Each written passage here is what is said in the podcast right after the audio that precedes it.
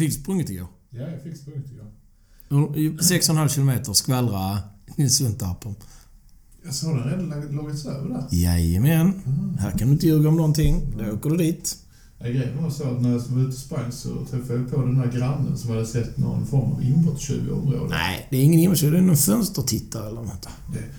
Jag tappade lite geisten där. Fasingen blev stannad av något, äh, inte medborgargarde, men det var en man som gick och Nej, det var en man på jakt. Och sen en annan som anslöt och så. Äh, jag var missnöjet igång där och så... Äh, jag kan väl ta en liten runda. Då sprang jag här i området. Tyckte det var lite spännande. Tänkte man ser någon här. Och sen så äh, kuttade jag ner till dig. Så det, det är så sanningen är. Att äh, jag sprang inte hem till dig. Nej, du gjorde som alla gör, även under den tiden jag hade mörkblå kläder. Man gör någonting lite irrationellt dåligt beslut först. Sen ringer man efter de som vet vad de ska göra.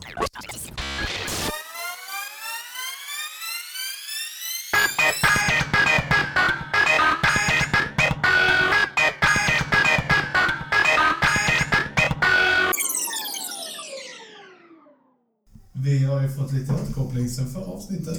Ja, vi... Eh, vi droppade något och sen släppte vi det. Jag droppade att jag älskade Oakley. Jag, kan, jag ska måla en bild nu. Framför mig sitter Joakim nu med produkter från Oakley på bordet och en mössa på huvudet. Som om han vore... Ja, och ett par glasögon eh, civilt. Ja, civila glasögon. Det är helt vanliga optiska glasögon. Ja, det kan man också kalla det. Jag är närsynt, så att jag har glasögon som också är från Oakley. Jag tycker det är lite konstigt ibland när du alltid ska stå så jäkla nära. Du hör, du hör dåligt också. är, Ja, och det, luktar dåligt. det, det är Guds vrede på det. Ja, det, det. Nej, men den här återkopplingen måste vi förvalta.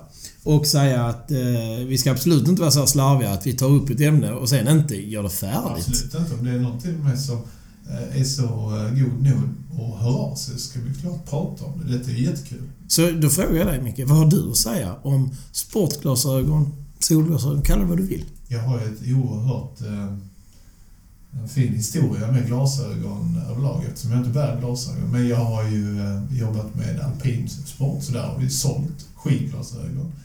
Goggles. Och nu, goggles, ja. Det är rätt märkligt att inte cykelglasögon har fått ett häftigare namn. Det är ju liksom så cykel... Det behövs ju inte för att de är så coola i sig själv. Ja, det är de ju. De är lite coola. Jag tänker så här, om du är jättestor och stark så bör, då får du vara snäll som Bamse. Men du, jag ska berätta en annan sak för dig.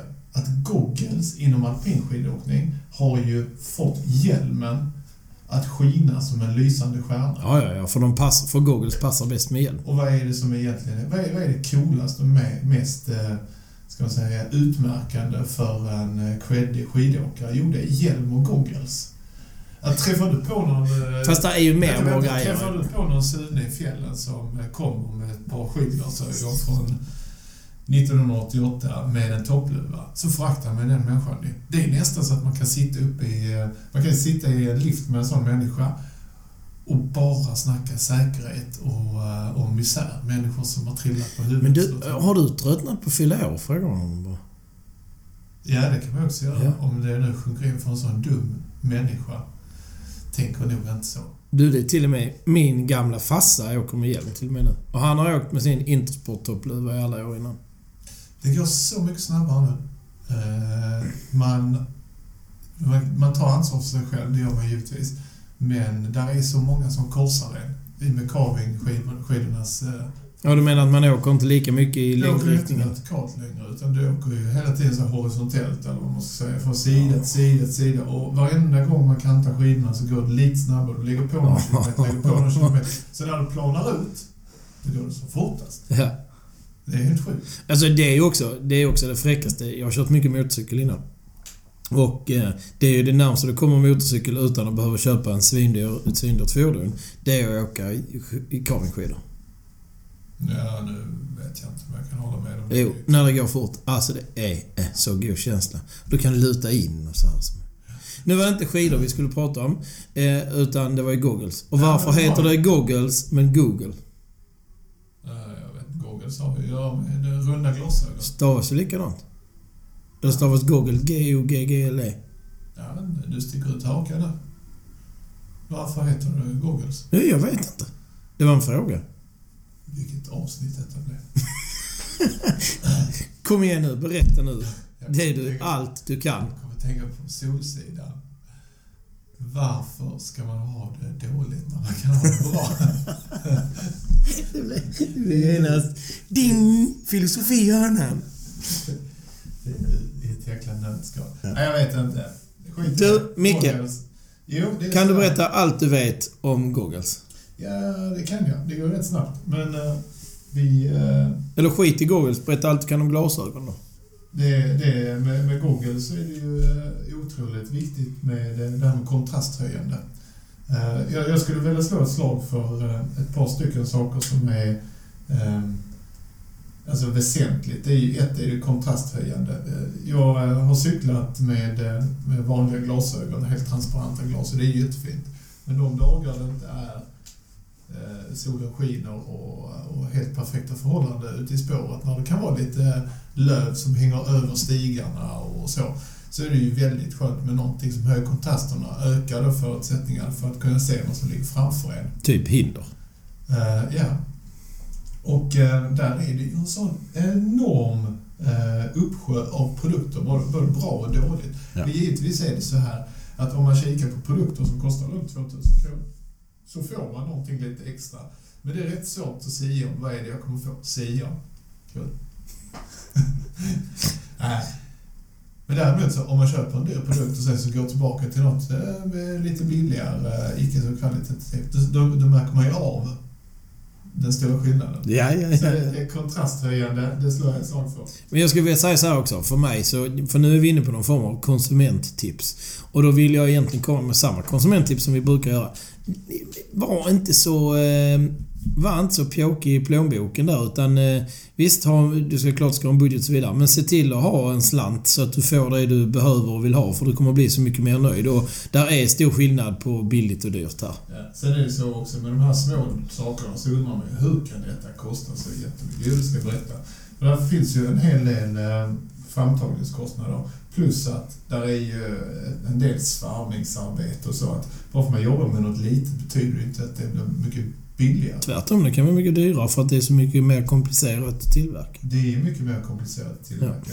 Och om det är någonting man ska lägga märke till, om inte alla har möjligheten att testa ett par glasögon, till exempel för cykling då, så, eh, så ska man eh, ändå vara kräsen och skicka tillbaka om det är så att man inte tycker att det passar. För det värsta som finns när man cyklar, det är ju att se den här topplinjen, alltså skalmen, eller vad man ska kalla det. Vad kallas det? Skall! Skalmen, ja. Eh, vi sitter i en position där vi tittar eh, lite... Ja, men du, ja, det skall med dem på sidan. Det är bågens översida du pratar om nu. Bågens översida jag pratar Ja. om. ja. Eh, Det finns inget som är så jobbigt när man kikar upp. För man ligger ju då lite framåtlutad i ställningen. Och så ser man bågens översida i synfältet hela Ja. tiden. Och där kan jag säga, där är det en jättefördel att lägga lite pengar på en bättre ingenjörskonst. Ja, Ja. absolut. Och, och där också, när man pratar om se bågens... Eh, översida, det kanske kommer an på så här att... Eh, ja, men anatomi. Och lite grann också hur du sitter på cykeln. Och det kan jag säga direkt att när, när du går upp i, i prisklass och kommer till finare glasögon så eller dyrare framförallt. Så kanske du kan få prova dem eller eh, åtminstone ta dem ut ur butiken en sväng på cykeln och, eh, och se om de passar så som du sitter på din cykel. Det kan vara jätteviktigt ju. Mm.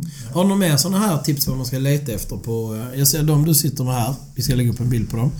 Det är, de är fotokromatiska. De är fotokromatiska, det kan du faktiskt få berätta vad det är för något. Det handlar bara om att ju ljusare det är desto mörkare blir glasen.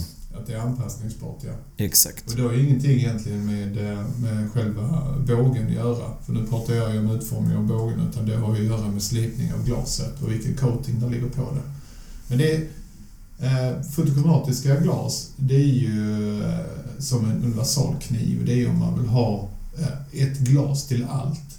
Eh, sen är ju du väldigt glad för att ha olika typer av eh, linser med dig. Mhm. Jag är ju nästan... Lins och glas, det är alltså samma sak. Vi Ja, ja. Jag är nästan eh, allergisk mot allt som heter universal.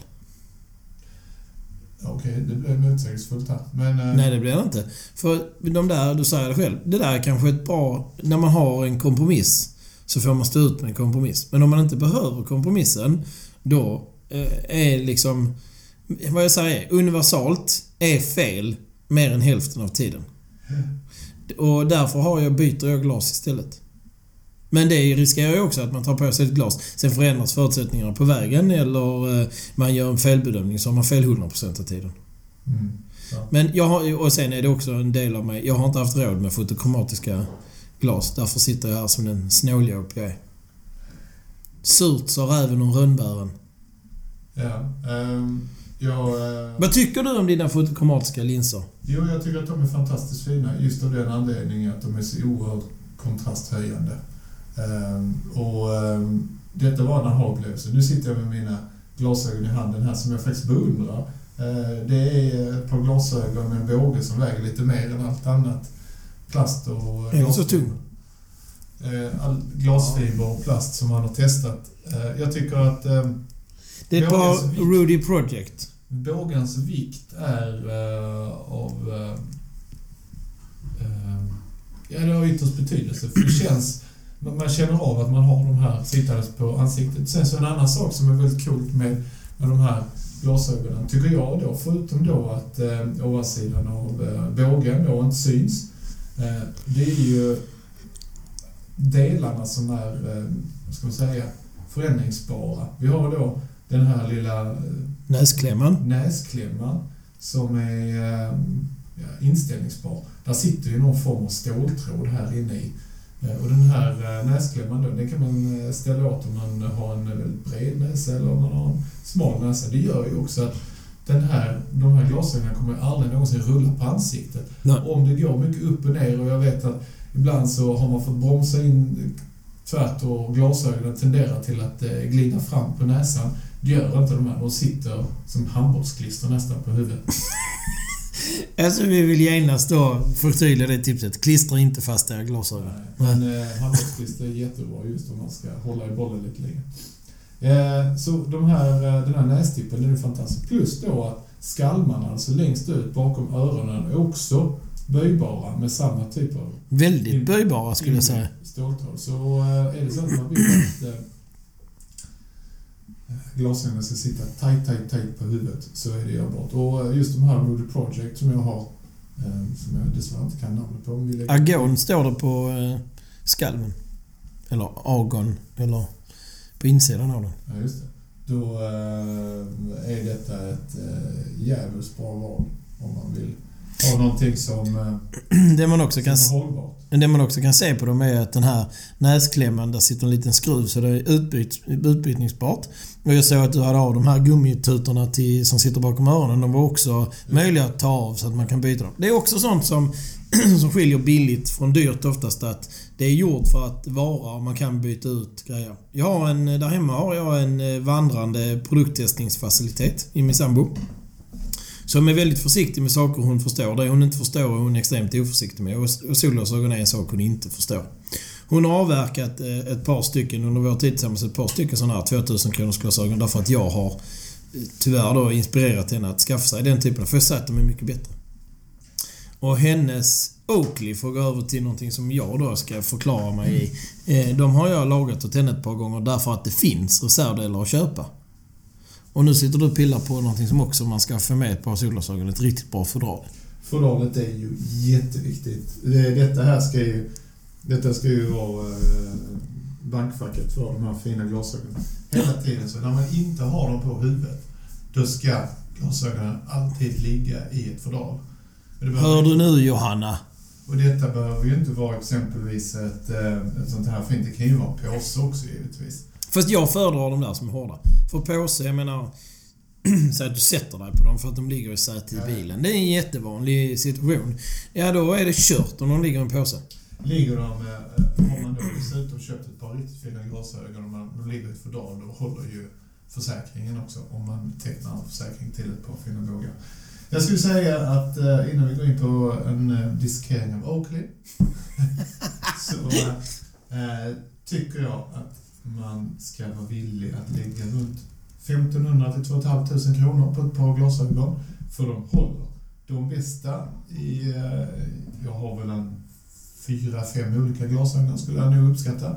Eh, för cykling specifikt. Och de jag håller just nu heter Rudy Project och då hette de ju, som vi kom överens om, Argon. Av de absolut bästa. De är, de är också de enda du har med fotokromatiska linser. Nej, det är de inte. Du har ett par till? Jag har två par till. Oj. Ja, visst. Ja, ju. Det riger det kan. Jajamensan. Uh, nej, jag har ju också Oakley-brillor. Mm, jo, det vet jag.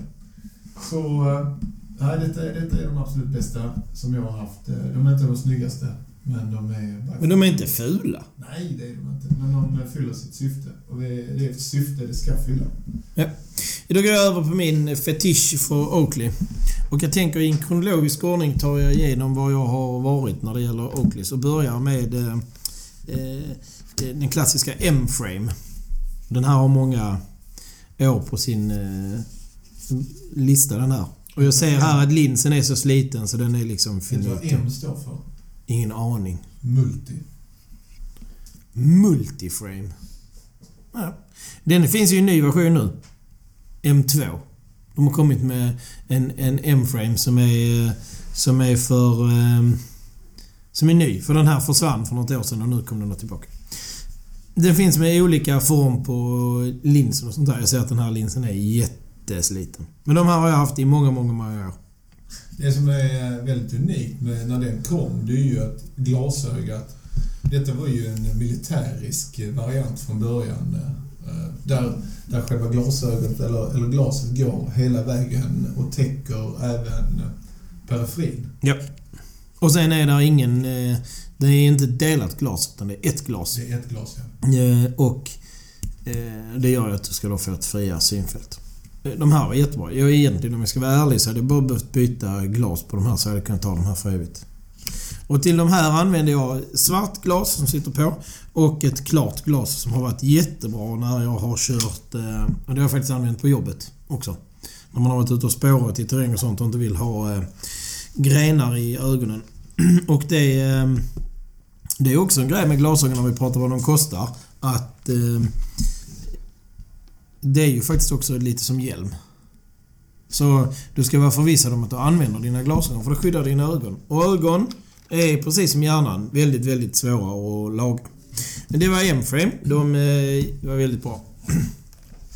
Det jag sen kommer till är eh, Radar Lock. Och Radar kom ju då för något år sedan och så såg man dem på alla, eller ganska många år sedan nu. Så man såg dem på alla cyklister och på alla idrottsmän, ja, triatleter, löpare. löpare. Överallt såg man de här. Eh, Radar Lock. En lite mer slimmad form än M-frame. Eh, en lite kraftigare skalm. Men fortfarande den här alltså, känslan i de här. Dina, om man jämför med dina Rudy så har de mycket så här, man ser synliga skruvar och man ser att det är liksom ett, ett ingenjörsbygge. Oakley är lite mer eh, slik. Här är inga verktyg, no tools needed och man kan byta, eh, byta glaset lite så här genom att trycka på en knapp här och en knapp där och så öppnar sig saker och så vidare. Ja men allting är ihopsatt, är ihopsatt eh, i, i plast så att det, det är liksom så här, det är klickfunktioner på ja. Oakley och det tror jag varit deras framgång också. Att det går inte att vara sönder. Jag har bytt glaset på dessa glasögonen. Alltså så många gånger att jag tappat räkningen. Det är fortfarande den här lilla eh, den knappen här som man ska trycka på för att öppna, den är fortfarande ordentlig. Och när jag stänger den så klickar den i ordentligt. Den har liksom inte blivit sliten trots att jag har nej, men nästan misshandlat de här. En annan sak som Oakley också har gjort, eh, som har varit extremt bra. Jag tror att det är en av anledningarna till att det sitter på så många idrottsmän. Ehm, du vet, om du har ett barn eller en person med koncentrationssvårigheter och du sitter inne i en, eh, i en sal med eh, en undervisningssal. Du sitter i ett klassrum helt enkelt då har ju forskning visat sig att barn som sitter inne med keps har lättare... Barn med koncentrationssvårigheter Får lättare som sitter inne med en keps skärmar av ljus uppifrån och fokuserar framåt. Mm. Eh, eh, och jag tror att Oakley, eftersom de har mycket bredare... Eh, vad heter det? Glaset. Ja, men och sen så eh, själva ramverket runt om mycket mm. bulkiga. Det stänger också ute väldigt mycket omvärld. Eh, och det tror jag det, det påverkar positivt en, eh, en koncentration. Ja, du, du driver koncentrationen dit du har fokus. Ja, precis. Men sen är det också... Jag menar Oakley har alltid... För mig har det varit ganska enkelt. För varenda gång jag tar på Oakley sätter dem på ansiktet så passar de mig väldigt väl. Och det gör ju att så här... justeringsfrågor och sånt har aldrig varit speciellt aktuella för mig för det sitter väldigt bra som det gör. Men där ligger en massa annan teknik bakom. Vi ska inte bara säga att Oakley är nice för att de gör bulka och ser coola ut. Utan de gör ju banbrytande saker som är nya. Och jag sitter med en av dem här i handen och det är Prism-linsen. Som jag först upplevde på mina Radar Lock.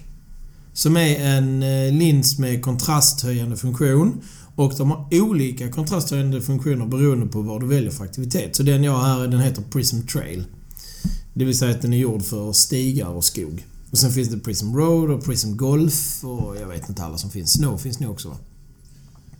Uh, ja, och det ska man väl egentligen eh, säga precis som det är, att de är specifika för olika bågar. Punkt. Ja, ja, ja. Det finns till varje båge och sen finns det till varje aktivitet för varje båge då. Och den här... Eh, och den är, den är långt från billig. Vi pratade om, vi skojade om det när vi pratade om förra gången, att man blir typ delägare. Men alltså, här får du hosta upp 2000 spänn för en båge med ett par glas och sen får du hosta upp 1000-1500 till för ett glas till. Alltså det är rätt så häftig sams. Så det, det är mycket pengar. Men den här gör ju... Alltså det, det är ju något helt sjukt den här vad den eh, förbättrar. Så jag skulle säga ibland när jag varit ute och cyklat och så har man tagit av sig glasögonen så blir helt plötsligt skogen lite mindre vacker. För den här är så sjukt kontrasthöjande. Och det är, det är lite så rödbrun. Det är ju nästan alltid de bästa kontrasthöjande tycker jag i alla fall. Alltså så här, röda goggles har alltid varit the shit. Ehm, och den här är lite så här rödbrun. Men är riktigt, riktigt, riktigt bra. Så har den så här lila tintad. Så den ser cool ut också. Jo, men vad som händer eh, vad, som, vad som faktiskt händer när du tar dem på... Eh, det är ju att eh, det gröna blir mycket grönare. Ja. Det svarta, det, det blir ju eh, kolsvart och så vidare. Jag brukar säga så... Tänk stigen framför. Så, ja. så att allting blir så otroligt tydligt. Nästan som i en färgbok.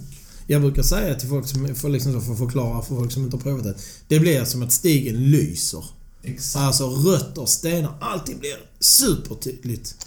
Alltså riktigt, jag är sjukt imponerad. Första gången, jag minns när jag provade den första gången så jag typ, det var inte i butik för det var kanske hemma eller Jag vet fan.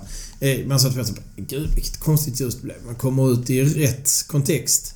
Vilka grejer. Så därför är då mitt senaste inköp eh, också med Prism Lins. Eh, de som heter Jawbreaker. De är lite större. Lite? De är faktiskt ganska coola. De är sjukt stora.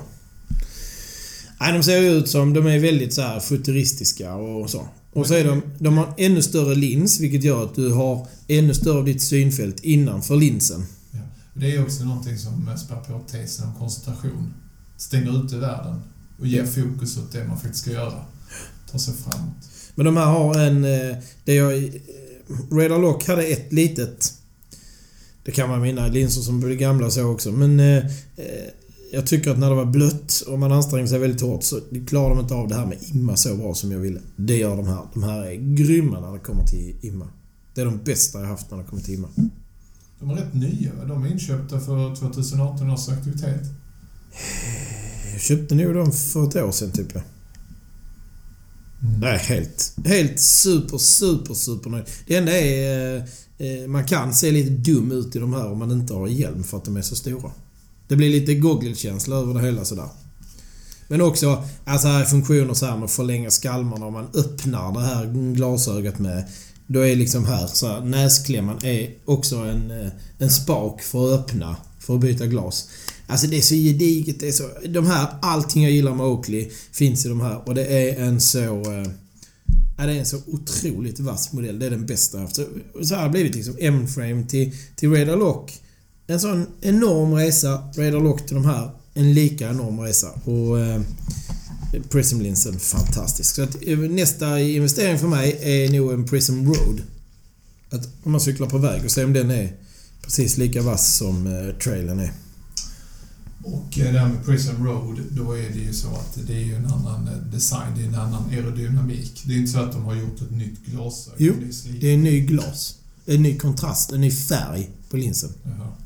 Så det är samma glas, samma båge. Ett annat glas. Det är det så här. Prism finns i, i Trail, Road, Snow, Golf. Okay. Sen finns det ju både iridium och eh, polariserad lins också. Mm. Det är ju, jag har Iridium på, eh, på, på eh, Radar Locken. Och det man kan säga om Iridium, det är ju också att det är ett kontrasthöjande glas idag. Eh, och Iridium har också fördelen att det blir lite som, nu, nu pratar vi alltså i mikroskopisk eh, eh förstoring här, men eh, tänka sig en, en gardin som man, eh, som man drar upp lite grann så ser man ut, men det är ingen som ser in. Det är alltså det, det släpper in ljuset från, från en sida där man inte exponerar ögonen alldeles för mycket. Eh, Och det gör ju att eh, det här med skarpt solljus blir mycket, mycket mer avbländande med iridium. Och eh, polariserat med glas, då har ju också en kontrasthöjande funktion, men det är väl en annan slipning. I- Exakt. Ja, en annan konstruktion av linsen. Jag har dessutom gjort en grej som kommer an på det vi pratar om nu med att skydda sina ögon från solljus då. Jag beställde ett par Oakley... Som var Oakley Dokley. Som var kopior. Bara för att jämföra. Ett par Jawbreaker.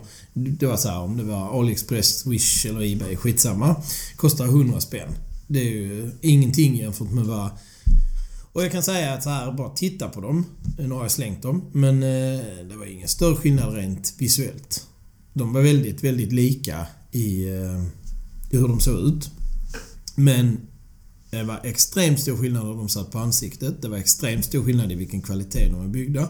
Och det var också, eh, vilket jag då läste mig till sen, stor skillnad på hur det skyddar ögat. För det här ska skydda dina ögon från UV-ljus. För när det är väldigt kraftigt solljus så behöver våra ögon skyddas. Ehm, och det är inte alltid kopiorna gör det. Så det sista tipset här är oavsett vilket märke ni nu känner att ni vill lägga era slantar på. Köp inte kopior. Ni kommer inte få samma sak. Man kan inte sälja någonting för 100 spänn som är lika bra som något som kostar 2000 kronor. Det fungerar inte så. Mm. Helt rätt. Och jag tycker att avskrivningsperioden, eller avskrivningstiden för ett par glasögon, eh, den ska få lov att vara ganska länge, för där är inte en sån jättemodegrad i, i aktiva glasögon. Nej, sportglasögon, nej, nej. Och jag ska... eh, Jag, jag är för mig, jag är villig att lägga eh, någon hundralapp extra för detta, för det är... Eh, ja, cykelrundorna och löprundorna blir så mycket trevligare med dem. Punkt. Alltså C är en så otroligt viktig funktion när det kommer till att uppleva saker. Så att det är ju... Ja, det är korkat att inte ta det. Och tittar man här, mina M-frame, jag säger att de är någonstans kring 10 år gamla. Och då ser vi att jag behöver, den linsen som är 10 år gammal, den är slut. Jag behöver en ny lins till mina M-frame. I övrigt, bågen skulle kunna hålla 10 år till och de har verkligen varit ute för mycket. De har använts hårt. Så eh, om man ska summera det här med glasögon, så ett, prova glasögonen. Se till att de sitter bra på, på, på huvudet, på ansiktet. Det är otroligt väsentligt. Ja. Två, eh, låt inte plånboken styra. Avstå istället och eh, kör på ett par billiga glasögon så länge. Tills man har hittat det man faktiskt Nej vill men ha. köp ett par bra istället för att köpa tre par dåliga då. Jo, men man behöver komma fram till vilket par som är riktigt bra. Därför så är det ju väldigt viktigt att man testar sig fram. Jag tror ju säkerligen att det finns många optiker där som har eh, fina glasögon. Men det finns många e-handlare också som har bra glasögon. Där är ju nackdelen att man inte kan prova sig fram. Men våga utmana då om du beställer en så här dyr och viktig produkt från en e-handlare så får du skicka tillbaka den om den inte passar dig. Beställ hem två modeller och skicka tillbaka den du inte gillar. Låna ut de pengarna, ja, man får tillbaka dem eh, efter några moment extra. Du kan ju ta det på... Om, vi nu, om det är snålt i skattkistan så ta det på Eller det eh, är- Klarna eller vad det nu är. Nej, men jag tycker att det är, det är, det är viktigt liksom att man, eh, att man får rätt. Punkt. Även om de kostar 500 eller 5000 kronor. Så. Men det finns ju nästan alla e-handlare har en sån här lösning. eh, Beställ nu, betala om 14 dagar. Det är ju ingen riktig kredit utan en smygkredit så här. Ja. Och det är ju skitbra för jag beställde faktiskt en jacka på nätet nu här i mellandagarna. Och jag är osäker på storleken. Så normalt sett brukar jag alltid pay up och så är man färdig med det. Men den här gången beställde jag faktiskt just så. eh, Med typ 14 dagars faktura. För det betyder att jag kan få hem jackan, prova den, passar den inte kan jag skicka tillbaka den och så har jag inte legat ute med de pengar. Mm. Ja, så kan man också göra. Ehm, kika på ehm, utformningen. Jag har haft många dyra också som har varit eh, kassa. Ja, passar inte dig helt Som enkelt. inte passar mig. Smart huvud. Eh, och eh, då... eh, Ja, då är ju... eh, Smalt huvud men ändå lite tjockskallig. och, väldigt innehållsrikt. Om du själv får säga det. Men... Nej, jag Eh, tycker det, är, det är passformen. Det är nummer ett A och nummer ett B. Och sen så därefter så kommer givetvis eh, funktionerna med linserna. men fråga om det, om den här kontrasten som finns i linsen passar till det du ska göra. Och då är vi återigen tillbaka på det vi alltid gör. Utmana det du kommer från. Se till att läsa på eller fråga dig fram så att du får rätt saker till det du ska göra. Det kommer att vara mycket bättre då. Jag hade inte, nu understryker jag detta och sticker ut hakan, gått till en cykelhandlare om en sån här sak. Jag, då är min haka där tillsammans med din. Absolut inte. Jag, och jag kan säga så här, jag är besviken på jättemånga optiker också som inte kan ett skit om det här. För att du bär glasögon eh, 24-7, höll jag på att säga. Ja, men jag är liksom optiker. Går, in, går du in till en optiker och säger goddag ska vi köpa, jag vet inte, Calvin Kleins senaste. Så, oh det är den här och så ger de dig det här alternativet från Ralph Lauren och det är Tiger och det är vad det nu är för märken. och så står du där och provar bågar. Det, det kan de. Men när du går in och säger goddag, jag undrar, jag skulle vilja ha en Prism Road-lins till mina Oakley Jawbreaker. Så tittar de på dig som om du precis gick in och frågade när ufot landade. Ja. Och det är liksom, är du optiker som säljer sportbrillor? Men kom igen! Där finns... Eh, men jag tror säkerligen att kan ju den passform. Eh, och det är inte många cykelhandlare som kan det. För cykelhandlaren, de har eh, två, tre lågprisvarumärken hemma. För de vågar inte ta investeringen. Nej, men det, men det är nog en rätt stor investering om vi ska vara ärliga, eller? Ja, jag har jobbat med Oakley och jag vet ju att eh, de kräver ju eh, att man köper ett brett sortiment. Mm. och många variabler. Så det, det är ju säkert ett par hundratusen kronor som står där i någon, i någon monter. Men skit i det. Vi eh, känner oss ganska färdiga med det här. Och vi eh, gör så att vi lägger glasögonen i eh, vår gran och sen så tar vi foto på det. Ja, eller så lägger vi dem någon annanstans. Vi kommer att lägga ut eh, bilder på eh, våra glasögon i alla fall. Nåväl Micke, när vi eh, sitter här så är det nyårsaftons morgon. Ja, det är det. Och vad passar då bättre eh, än att eh, summera året som har gått? För detta blev väl den sista inspelningen vi gör för året? Det där, det där var om inte du har något spontant innan tolvslaget som du tänker våldföra dig med. Nej, jag ska inte våldföra mig alls. Men jag vill gärna prata om vad som har varit så man kan lägga detta till bokslutet. Ja, men jag tycker att det är precis vad vi ska göra. Vi ska göra ett bokslut. Och eh, då har du och jag kommit överens i förhand här att vi ska faktiskt eh, ta och reflektera över två saker som har varit påtagbara för oss. Korrekt.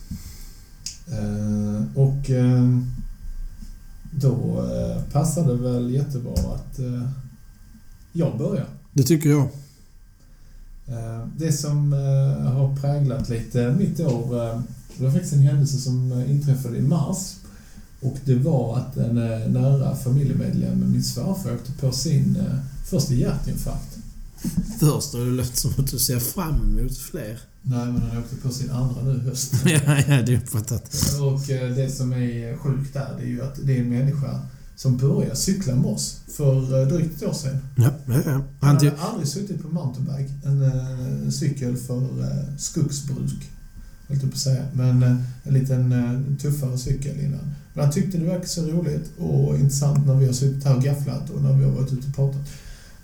Och han började cykla mountainbike och har levt som en idrottsman i, eh, i drygt ett år.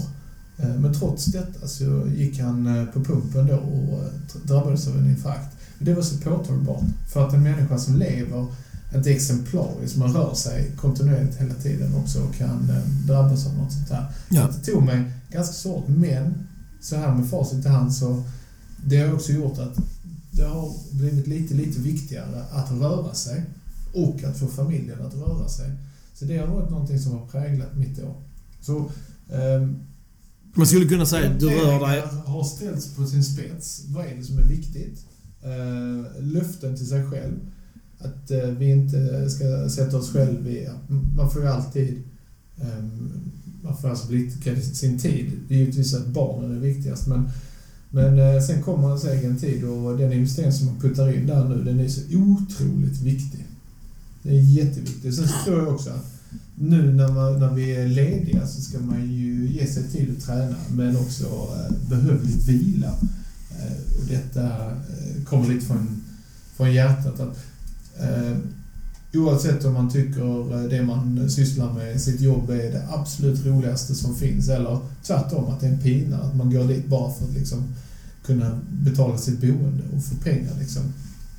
Så tror jag att med, med insikter att från med den 3 januari, när de flesta kommer tillbaka till sina jobb, eller om det är den 2 januari, ehm, så har man möjlighet att kunna förändra och förbättra med små steg givetvis. Eh, men det är nu som tiden är att bryta mönster. Det är en, det är en take jag tar från ett, en hjärtinfarkt på svärfar. Två, att familjen blir mycket, mycket viktigare. Och tre, att man vill göra så jävla mycket. Och hur får man detta till att eh, gå ihop? Jo, det är att bryta dåliga mönster.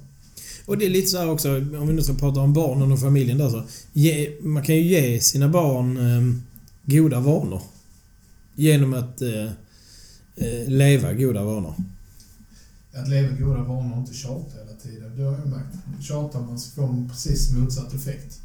Ja, så här, om de spelar mycket tv-spel, sitt inte och spela tv-spel själv. Vill du inte att barnen ska sitta med skärmar, så sitt inte med skärm själv hela tiden. Jag sitter jättemycket med min... Framförallt min, min mobil då.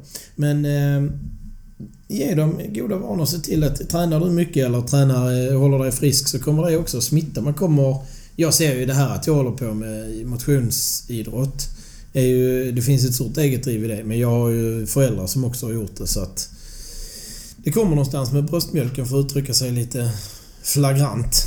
Ja, jag ska utvärdera vad vi håller på med i alla fall och med utvärderingen sen så kommer också insikten att ja, okej, okay, vi, eh, vi bör kanske andas lite frisk luft 10 minuter extra om dagen. Absolut. Det gör att vi blir eh, lite friskare förhoppningsvis, lite piggare, äter bättre. Vad händer när vi äter bättre? Sover bättre. Vi sover bättre, ja. Det, det tär inte så mycket på vårt eh, tålamod och vår eh, ja, Vi blir lite, lite bättre människor faktiskt, med frisk luft. Men jag ska säga det här med tv-spel. Att det, det kvittar egentligen om det är tv-spel, om det är eh, tv-tittande eller bara stillasittande. Tv-spel, det har ju också den eh, fördelen att eh, det tränar koncentrationen. Oh ja. Och eh, när man tränar koncentrationen i tv-spel eller om man tränar koncentrationen genom att läsa en bok så har det samma effekt. Alltså, ja, det är eh, tv-spel för mycket skit, vilket det inte riktigt förtjänar Nej, alltid. det förtjänar inte det. Och det här med eh, stillasittande, det är det som är den stora boven. Det är inte själva tv-spelandet. Nej. Ja.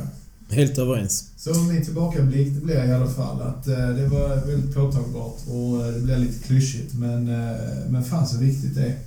Och mitt löfte till mig själv nu, det är någonting som jag har jobbat med länge, det är att höja blicken. Vad fan är det jag håller på med?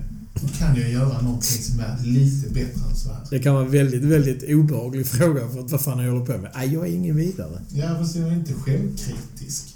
Du höjer den utan självkritik? Ja, eh, jag kan höja den med frakt. Nej, men vi kanske, om vi ska för en gångs skull vara seriösa, så lägger du ett, ett reflekterande perspektiv på det mer än ett, ett kritiskt perspektiv. Ja, det gör jag. För skulle jag lägga ett eh, reflekterande kritiskt perspektiv så skulle jag behöva gå och sälja mina cyklar för att jag har väldigt mycket för bra cyklar i förhållande till min kapacitet.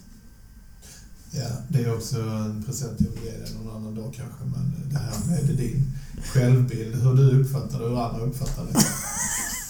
Det är två helt olika monster. Ja, så kan det få vara. Ja. ja.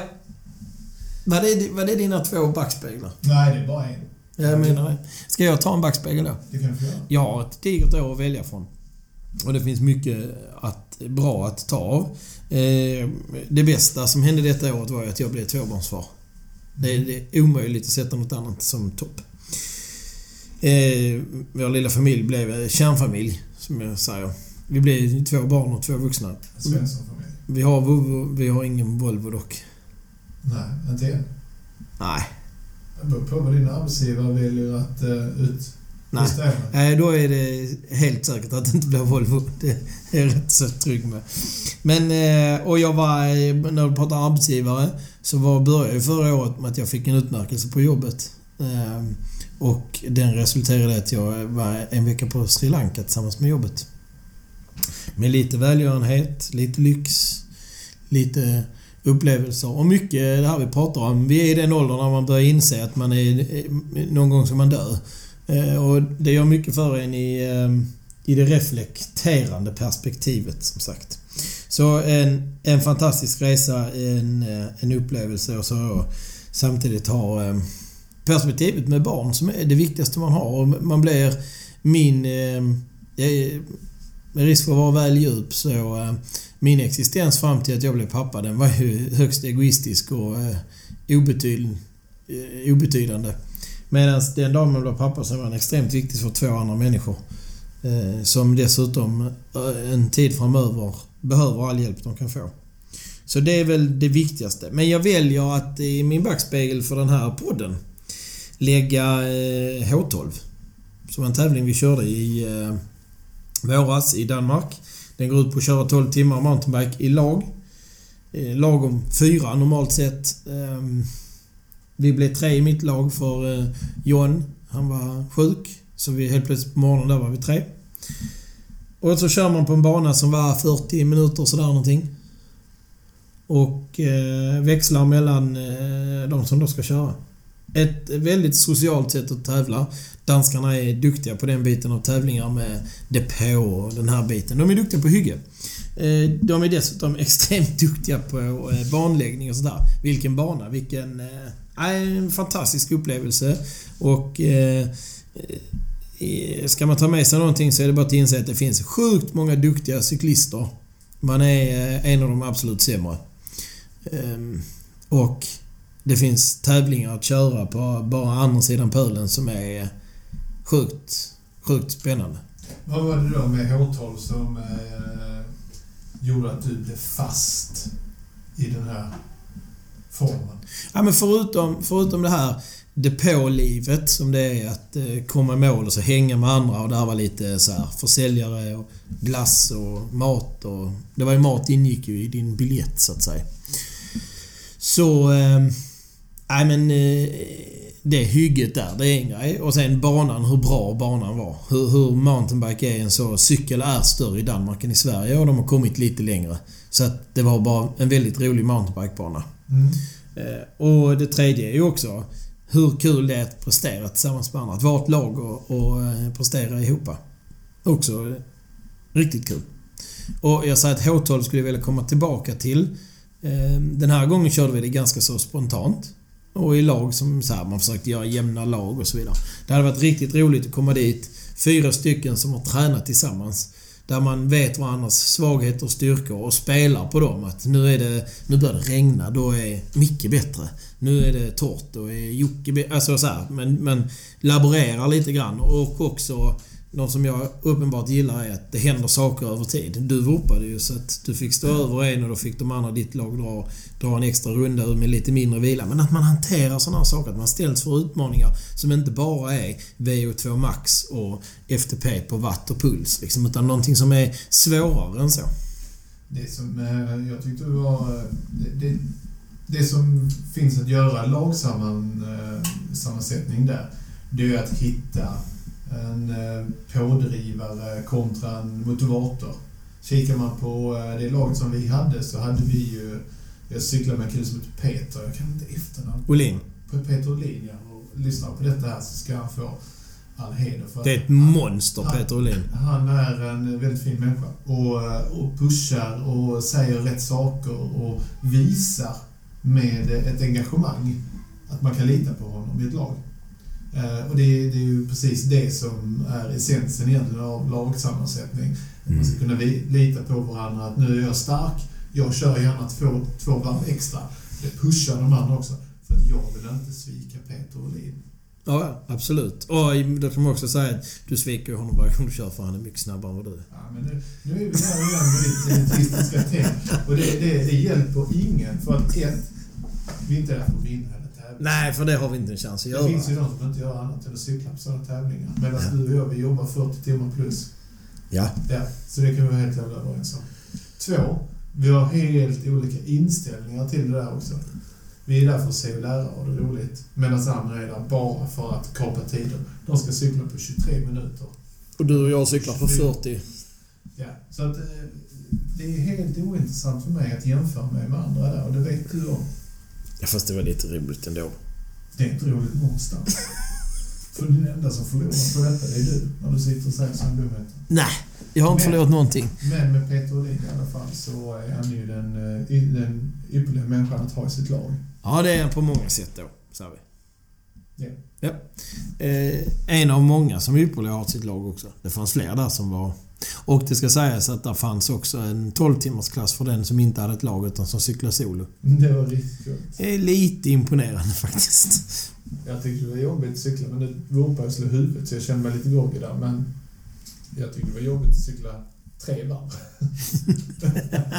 Cyklade du tre varv till slut? Jag tror jag cyklade tre varv. Ja, kanske fyra. Fyra varv. Ah, skitsamma. Jag, jag säger lågt tre. Jag tror jag gjorde sex va? Och så fick jag startloopen som var 10 minuter där. Men, men vi var ju bara tre i laget. Så att det blev fler. Du cyklade sex varv? Jag tror det. För att vi var bara tre i laget. Ja, ja så var kanske. Det var jobbigt i alla fall, men det var roligt. Men, eh, och, och eh, som vi säger här, vi, vi är inte med i någon tävling. Ja, vi är med i en tävling, det är vi Men vi är inte med och tävlar om att vinna för att, eh, som sagt, gud vad det finns duktiga cyklister. Oj, oj, oj, oj, oj. Ja, det är rätt coolt. Det är, Ja, det är, det är imponerande. Och många av de som är duktiga vill jag säga, de är precis, de har inte bättre förutsättningar än oss. De jobbar också 40 timmar plus. Det är bara att de, eh, de är duktiga. Ja, det är de. De är superduktiga. Men nu, eh, då går jag över till min spaning. Nummer det två. Ja, nummer två då. Summering, inte spaning. Spaning är någonting man har framför sig. Detta är ju faktiskt bakom mig. Tack för att du förtydligade. Du behövdes. Ja, men du är lite dum i huvudet idag. Jag har märkt det. Idag också menar du? Ja, kom igen. Nummer två. Säger jag um, X-cup. Jaha. Nu körde jag bara en tävling. Men jag hade inte avsikt att köra. Har du någon spegel, Micke, eller? Det heter X-cup därför att det är flera lopp, vill vi säga. Vi vill bara säga det. Men du vill prata om en av tävlingarna i X-cup. Ja, för det var... Det var eh, Körde du bara en? Det var första tävlingen eh, för mig och också den sista. Och det gjorde vi den veckan vi, jag fyllde år. Där i slutet av juli. Det var ju på Vallåsen.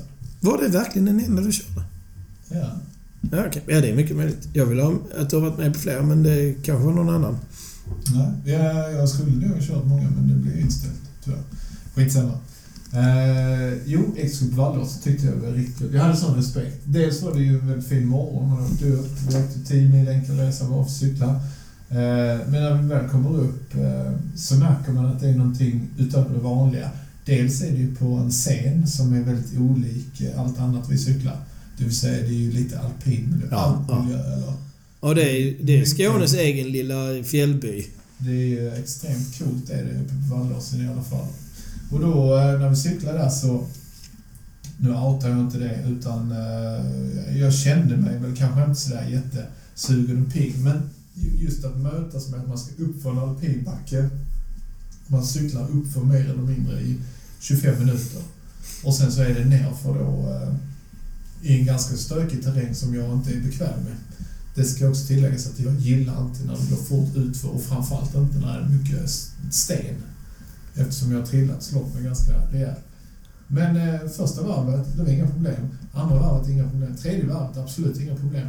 Jag kände att jag skulle kunna cykla upp och ner där varenda jäkla minut på hela dagen. Jag var inte trött någonstans när jag kom in i mål. Jag känner en sån eh, överfri glädje. Och det är någonting som jag tog med mig sen under eh, resten av sommaren. Att där och då, eh, det kom lite sent på, eh, på semestern. Men hade jag fått den möjligheten att cykla X-Cup Vallåsen i maj månad så hade det gjort mitt cykeldag mycket roligare. Jag kände att ja, men det var mycket som lät. Var det att du kände dig stark och liksom att det Jag kände mig otroligt stark, gjorde jag. Eh, Och jag visade alldeles för mycket respekt. Jag hade kunnat cykla betydligt snabbare, jag hade kunnat få ut mer av min säsong om jag hade fått det där tidigare. Så det kanske blir så att vi tar någon cykelvända upp till Vallåsen tidigt nästa år bara för att liksom Absolut. känna oss för. Men det var en eh, take som jag hade och jag måste eh, ge eh, än en gång den här organisationen som, som fixar med X-Cup. Det är många som ska hyllas här men Martin Wenner och, och det här gänget gör ju ett sånt enormt jobb så jag Mm. önskar dem all lycka inför nästa år. Jag hoppas att det blir precis lika bra och eh, vill de förbättra, så inte för min skull, utan det är bra som det är. Ja, men exakt. Och det är ju ett koncept som är lite så här plockat från danska kupper. Det är möjligt att det är. Men eh, sen handlar det om att, eh, att utföra alla de här momenten och de gör det fantastiskt bra. Ja. Sen är det också så att det är ett sammanhang där mycket cyklister kommer utifrån. Och det är, det, det är ett par stycken människor, eh, herrar, medelålders män, tjänar förmodligen jättemycket pengar, som beter sig som några barnrumper. Som är sämst i klassen på uppförande. Som kommer cyklandes bakom och vi pratade med Linda Tuvesson om detta. Ja. Att de, eh, de vet inte när de ska köra om och de tror att det är någon världscuptävling där det är mycket på spel. Men det det, är det inte. det är exakt de här gubbarna vi pratar om med Linda.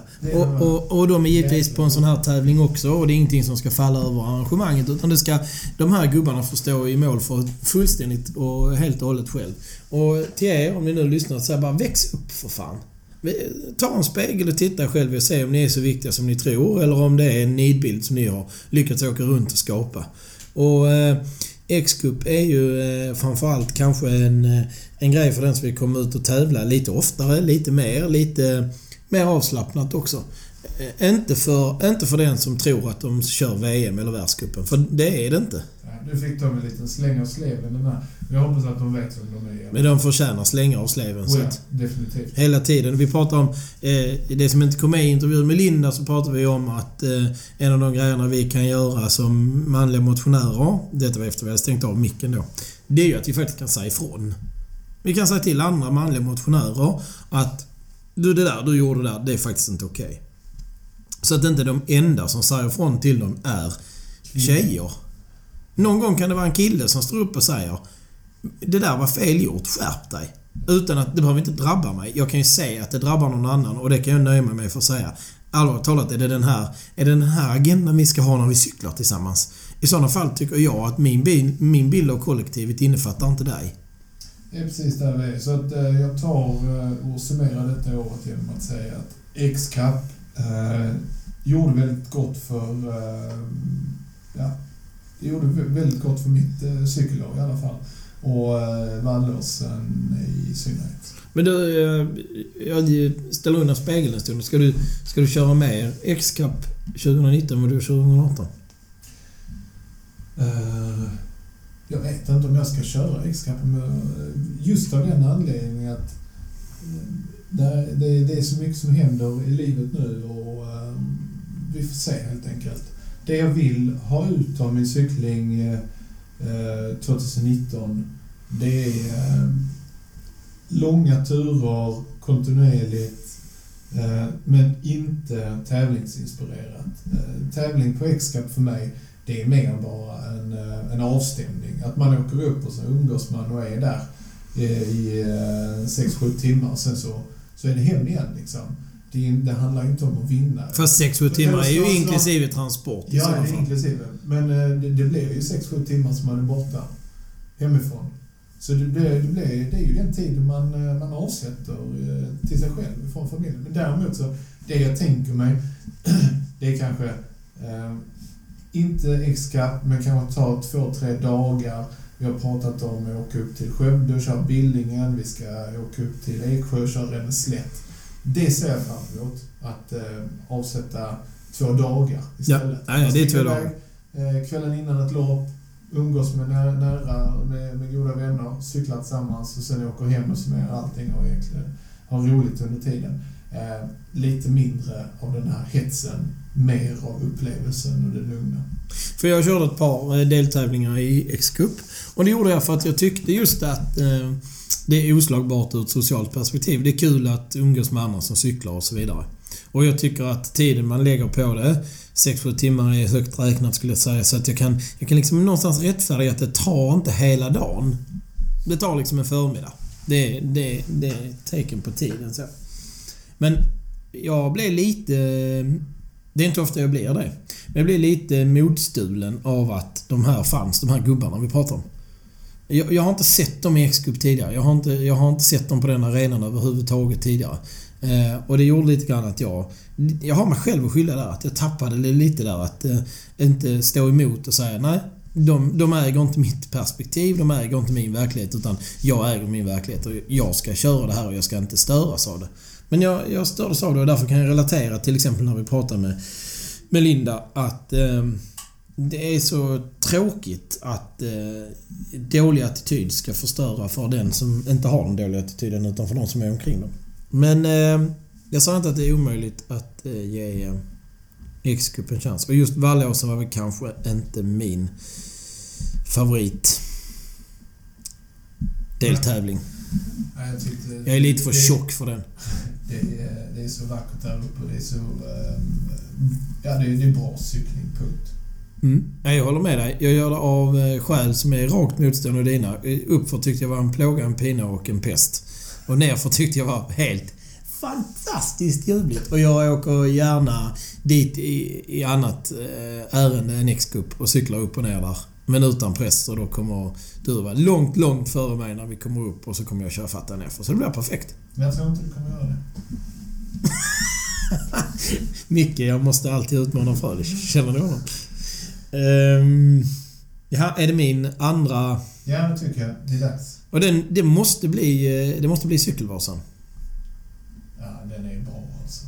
Det är den. Det är, och vi är inne på det här att åka upp och umgås med andra människor, bo i en stuga. Eh, göra någonting som är... Det är ändå 95 km cykel. Förstår du? Jag menar, det här är ingenting man bara...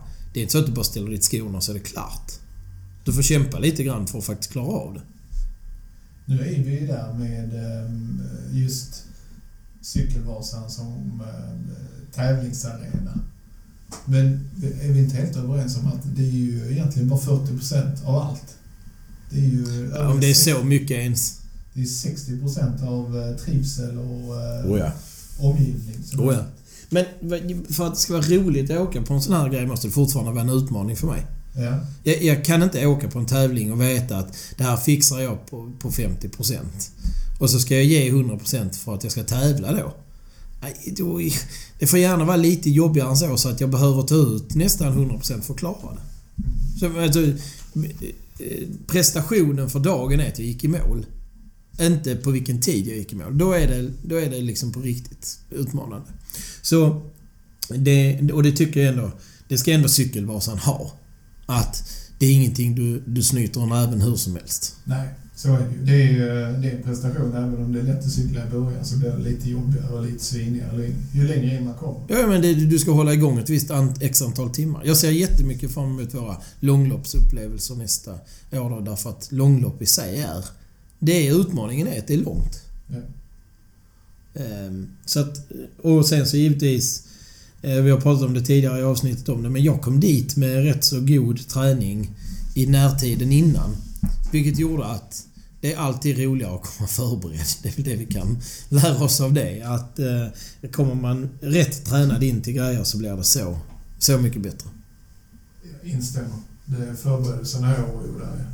Annars blir besvikelsen så mycket högre. Ja, så, så är det bara. Och nu är vi inne på två gamla avsnitt som ni gärna får lov att lyssna på. Om Cykelvasan och om besvikelser. Men det hänger ihop.